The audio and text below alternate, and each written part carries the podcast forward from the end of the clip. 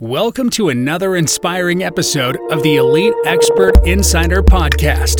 Hosts Melanie Johnson and Jen Foster are the owners of Elite Online Publishing. They're both Wall Street Journal, USA Today best-selling authors. We're really glad you're here because this podcast was designed for you. Meet industry experts that share their secrets and strategies. Get successful results for your business in money, relationships, health, and your life. Each episode is going to inspire you to take action towards reaching your greatness. Hey, it's Melanie Johnson along with my business partner Jen Foster. Hi Jen, how you doing? I'm doing great. It's a wonderful day today to learn about how we can save money and make money. It's always a good day to learn that, right? And it's always a great day to write a book and subscribe to this podcast. So make sure you subscribe to the podcast. And if you're thinking about writing a book, uh, we guarantee that you'll be a number one bestseller. We help you write, publish, and market your book here at Elite Online Publishing. So check us out and go to the submission button. All right. The two things that are for sure, like you talked about, is death and taxes. So we're not going to talk about death today. We're only talking about taxes and how to save money. And there's, I just have so many questions already. I already told Steve uh, Moeski, I'm going to keep you busy today on this interview. So we have Steve with us today who owns his own tax firm. He's a tax lawyer and an expert. And we are going to dive in with questions. How you doing, Steve?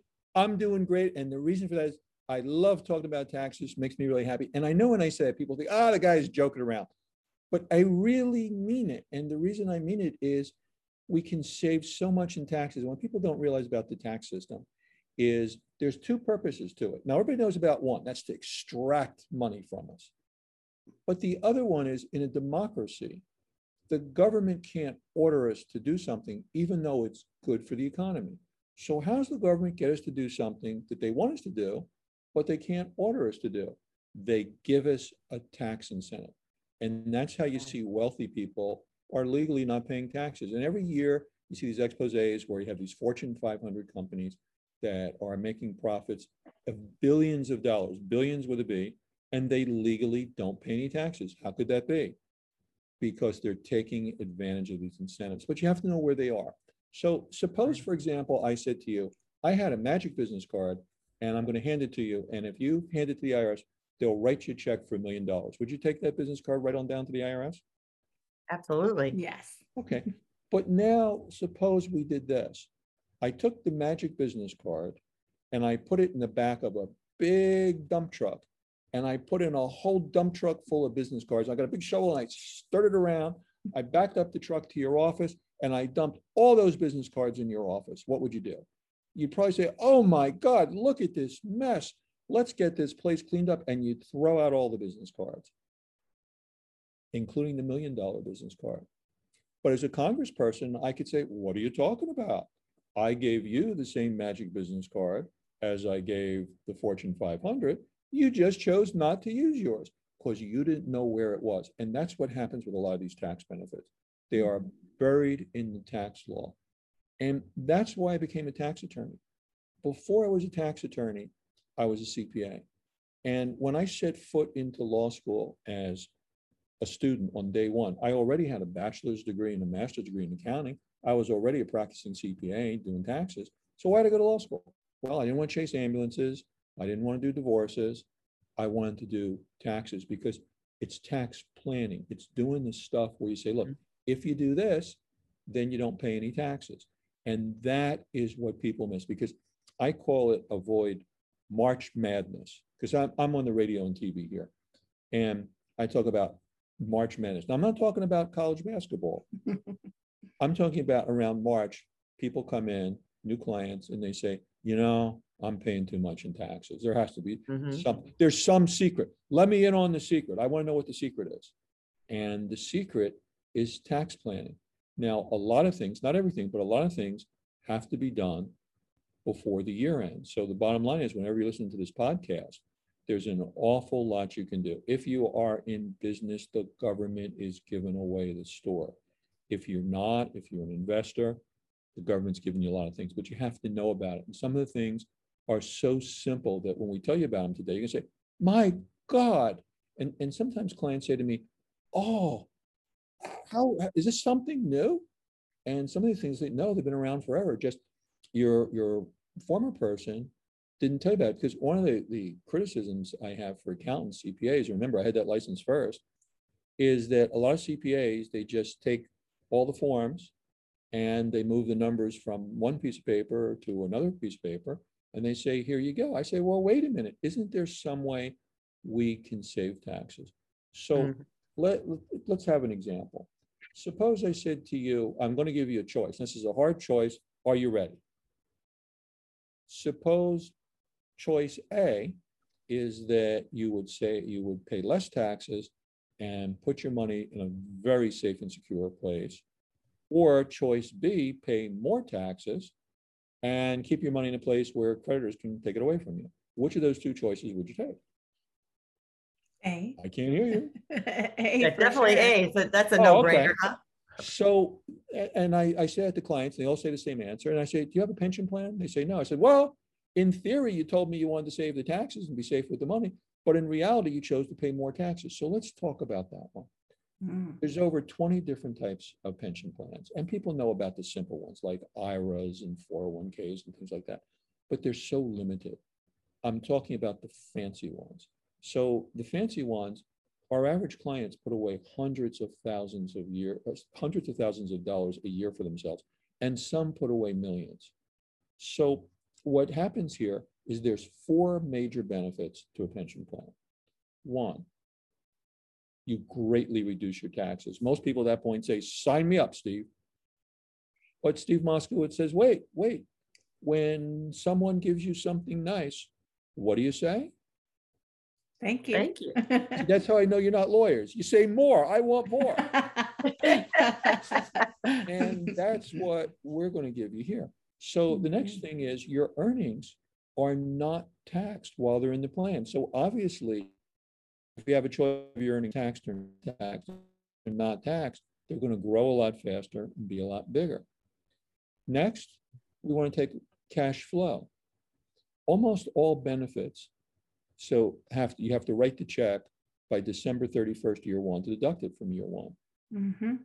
not with pensions.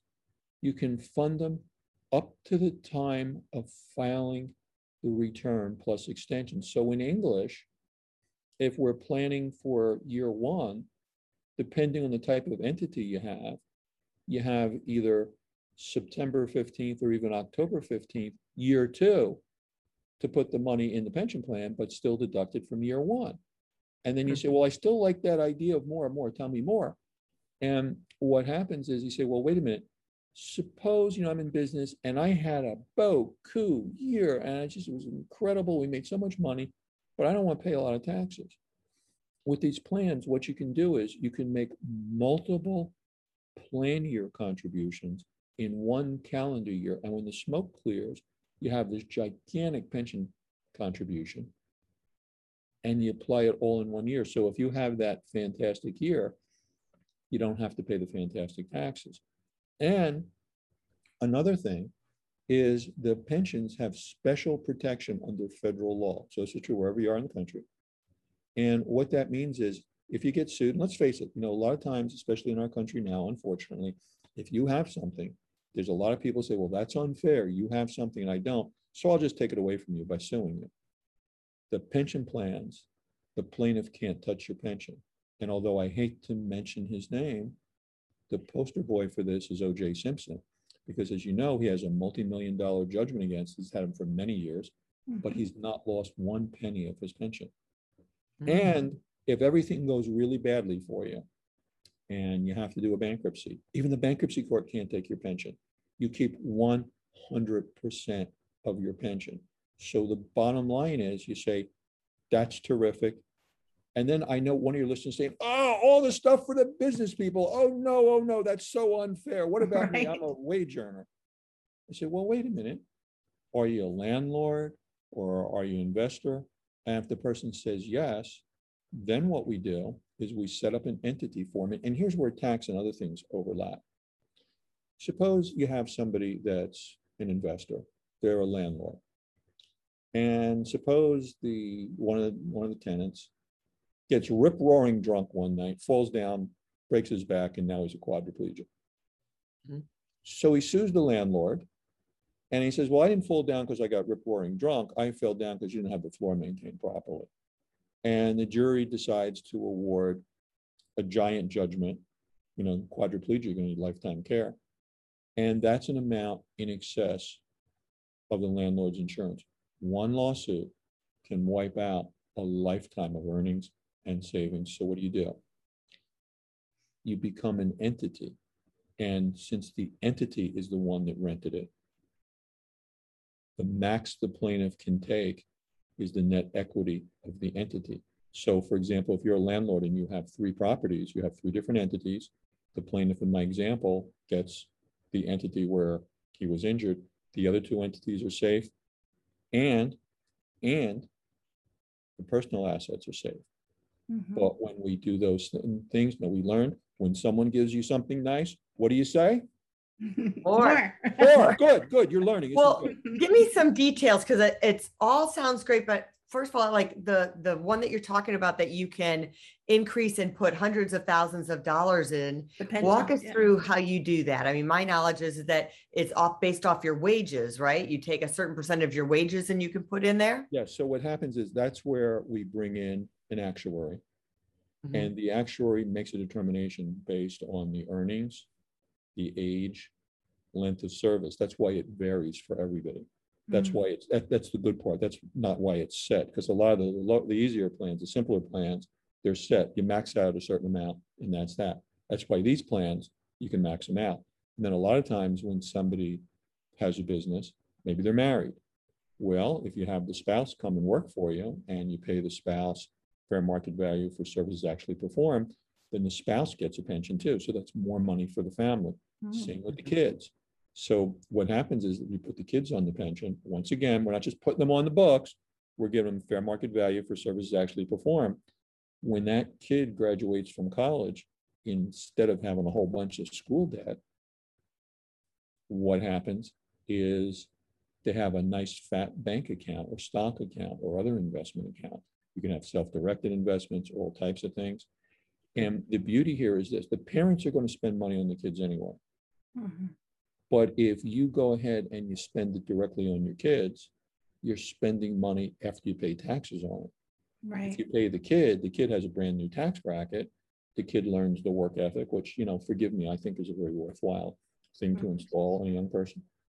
And the kid has a brand new tax bracket, so mommy and daddy are paying for it before they pay taxes on it. Mhm. And the kid has the pension plan. So when the time the kid graduates from college, you say, hey, instead of all this school debt, he's got a fat bank account. Isn't that better? So parents win, kids win, IRS gets less money, but I've never heard anybody that feels sorry for the IRS. That's the nice thing about being a tax lawyer. You know, other areas of law, sometimes people would feel, you know, like somebody representing a murderer, they say, well, what about the person that got murdered? You know, you got them off on a technicality. Nobody feels sorry for the IRS my whole career. Nobody's, "Ah, you know, the IRS really needed that money. No, Yeah. They can print more. Isn't Biden trying to close that that gap? I had heard rumors that he was saying that you know all these people are making millions and millions of dollars tax free through these pensions and retirement accounts, and he's like, nope, no more. We're gonna we're gonna eliminate that. Have you heard that? Oh, think oh, that's yes, gonna this is, this is a big deal. President Biden, and, and again, so I won't talk about political things, just tax things, but President Biden wants to vastly change the tax code, which would be a major distribution of wealth. And let's face it, wealthy people are influential people, and nobody wants to say it, but you know what? Congress people do pay attention to wealthy people, and they know them personally. Mhm. And do you really think that the people that are wealthy are going to say, you know, you're right. I felt so guilty about not paying my taxes. I need to pay my fair share. So let me just take my wealth and just transfer it right on over to somebody that doesn't work. I'll feel so good about myself. No, that's not going, unless he's riding his unicorn to Congress. That is not going to happen. So what happens is President Biden wants to do all kinds of things. For example, right now, we each have eleven and a half million dollar exemption on our estate taxes.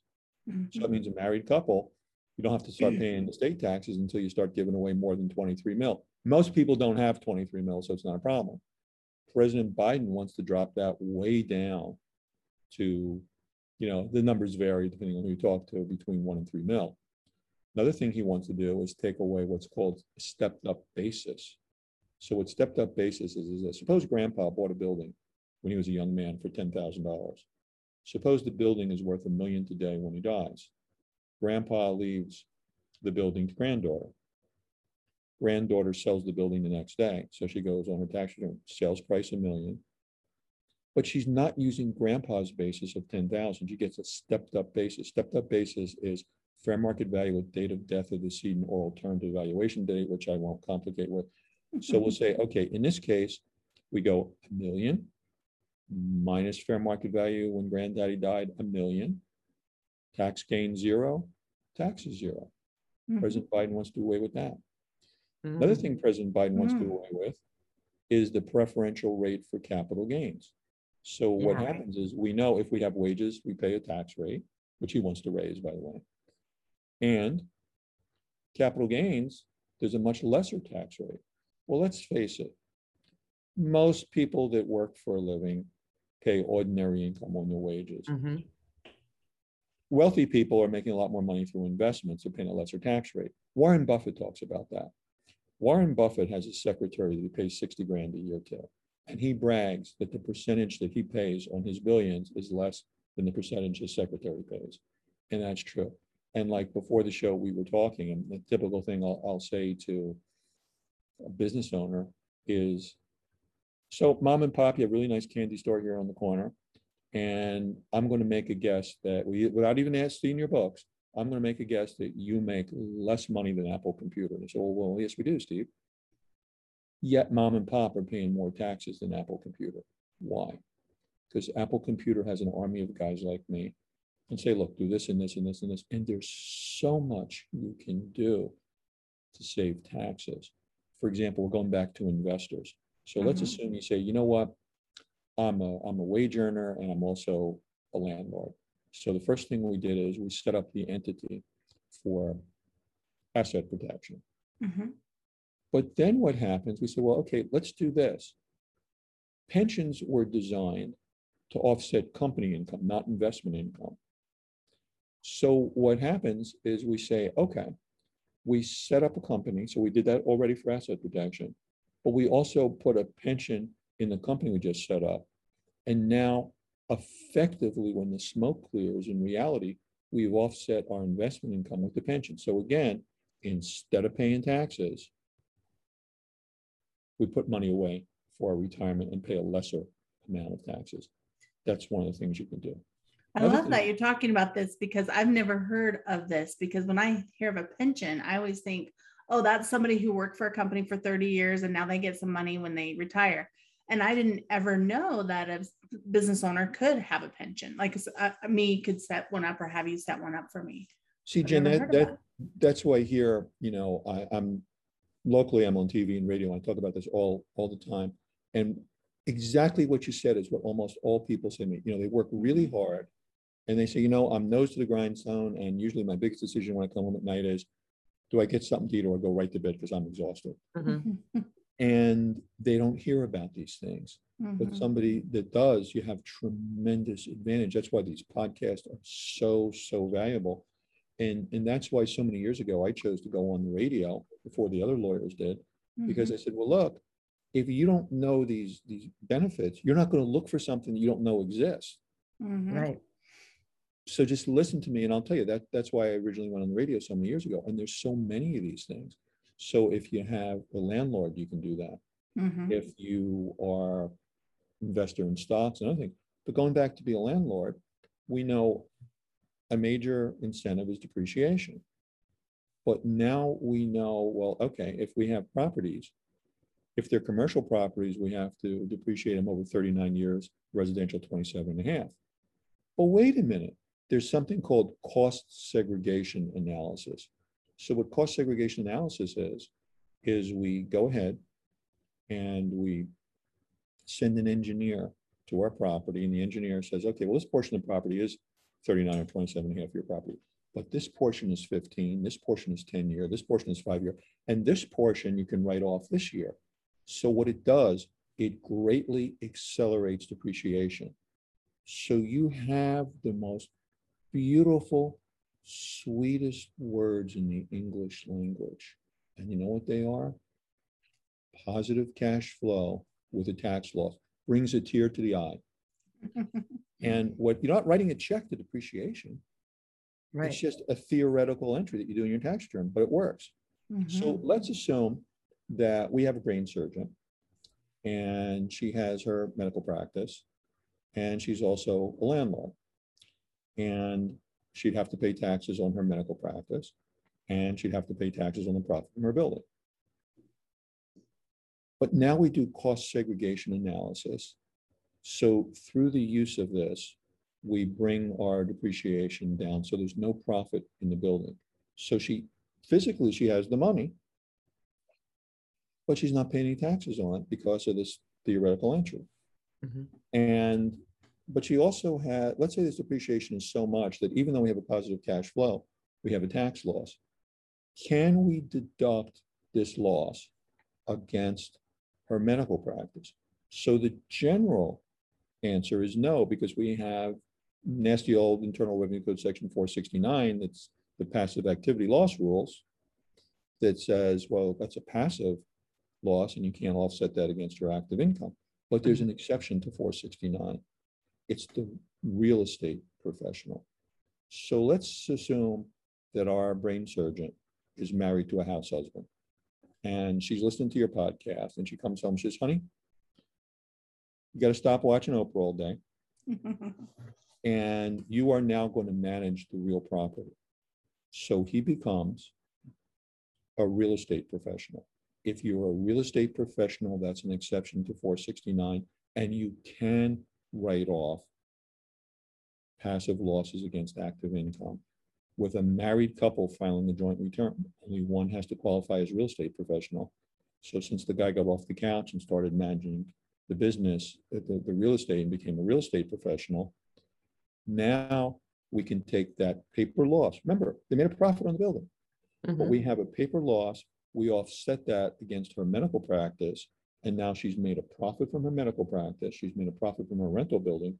But legally, she hasn't paid any taxes. Isn't that sweet? Mhm.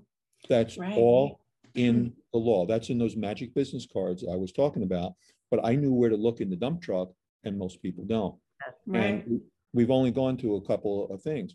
Yeah. Well, we have the pension for her. We have the cost segregation analysis for her, and there's a ton of other things you can do. But you start to see now, if you know how these laws work, you put tremendous, tremendous savings. This is what wealthy people do. This is what the Fortune five hundred do. And, and the reason I went on the radio so many years ago is I wanted the average person running that little business to know, hey, you know what? You can do that too. And this stuff isn't complicated. It's like, you know what? I don't know how to change the oil in my car. But I don't have to, because I know a guy who knows how to change the oil and he does it for me. Exactly. You don't have to know how to do this stuff as long as you go to somebody that does. Let's take a look at still another benefit. Now, we remember a few years ago with the Tax Cuts and Jobs Act that we lost our ability to deduct our state taxes on our federal return. Mhm. So if you're in a state that doesn't have any state income taxes, you don't care about this. So just hold your breath for a second. But everybody else, you say, ah, you know, for the, people that live in states that are high tax states, you, or sometimes known as the blue states, you say, well, okay, for a lot of people, their biggest tax deduction was the state income taxes, and now that's gone except for the ten grand. Uh, Almost half the states have a workaround. And what the workaround is, once again, with an entity, what we talked about is all at the personal level. You form an entity and it's a flow-through entity.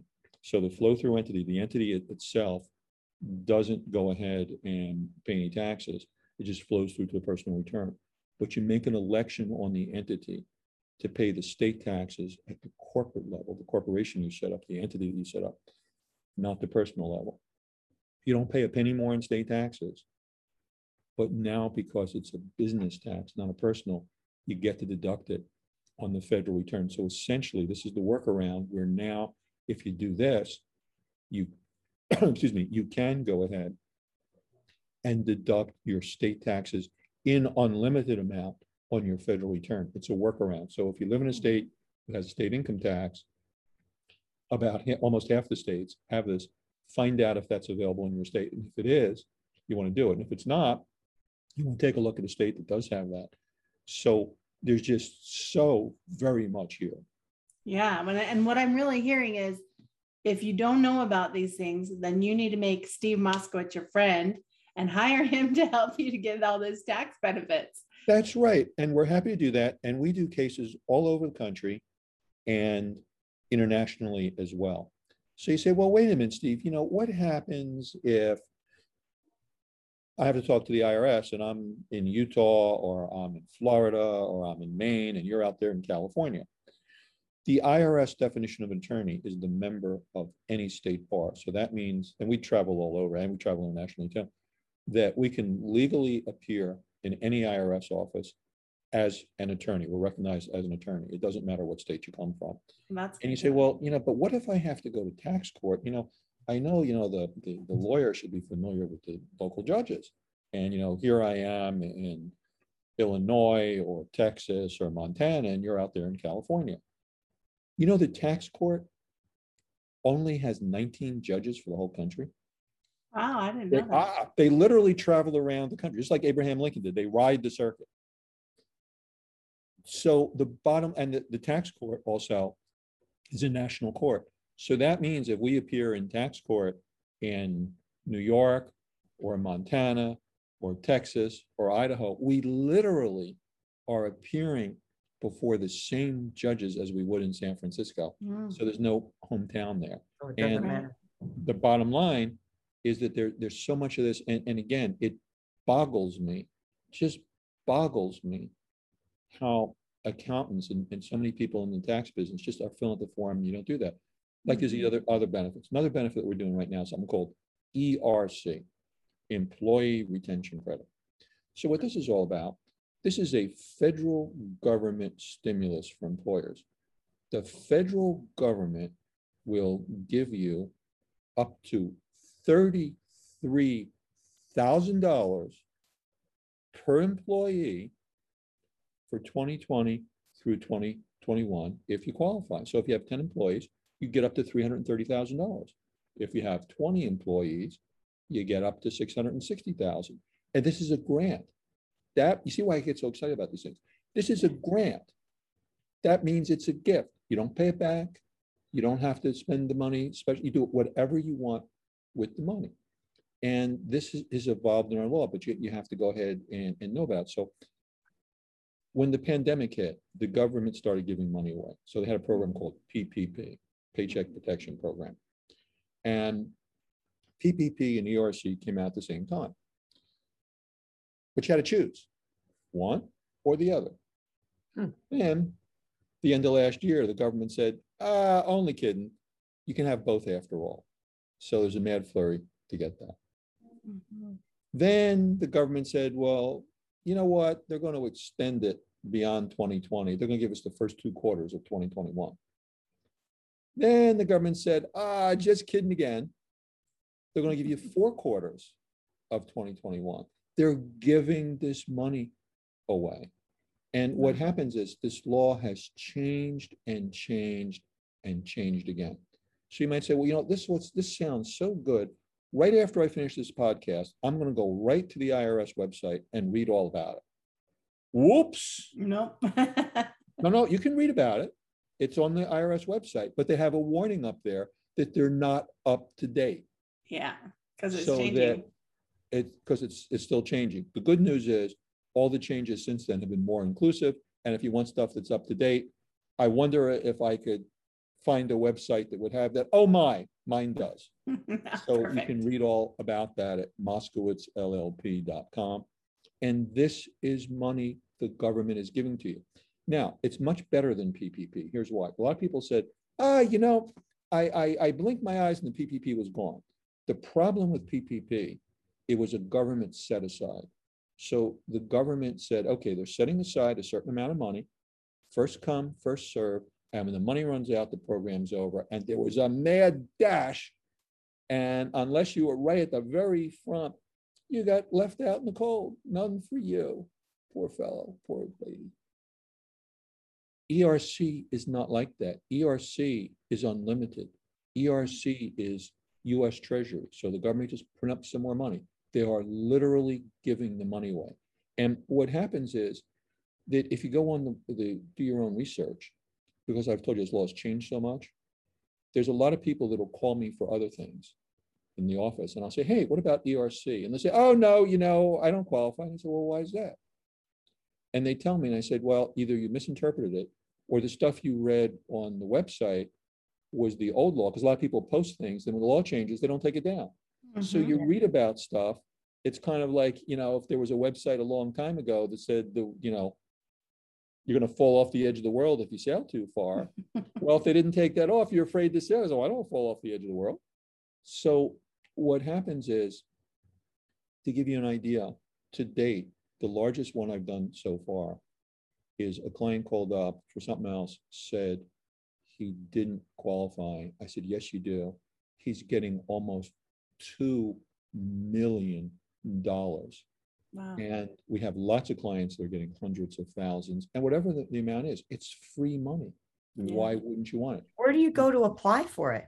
Is it just on the IRS website or where do you go to apply? Well, what happens is it's going to be a filing of an amended payroll tax return.